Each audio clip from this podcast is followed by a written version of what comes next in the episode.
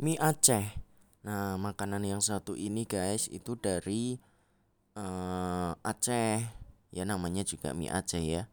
Nah, ini memiliki tekstur yang tebal dan dicampur dengan irisan daging serta bumbu-bumbu rempah yang kuat.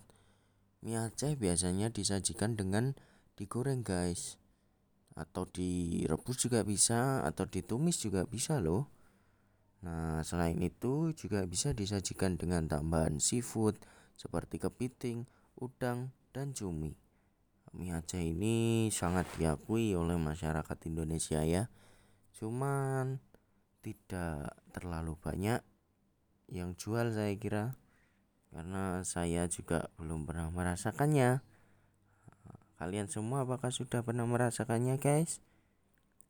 Hmm, kalau dari lihat bentuknya sih sangat menggugah selera ya mie Aceh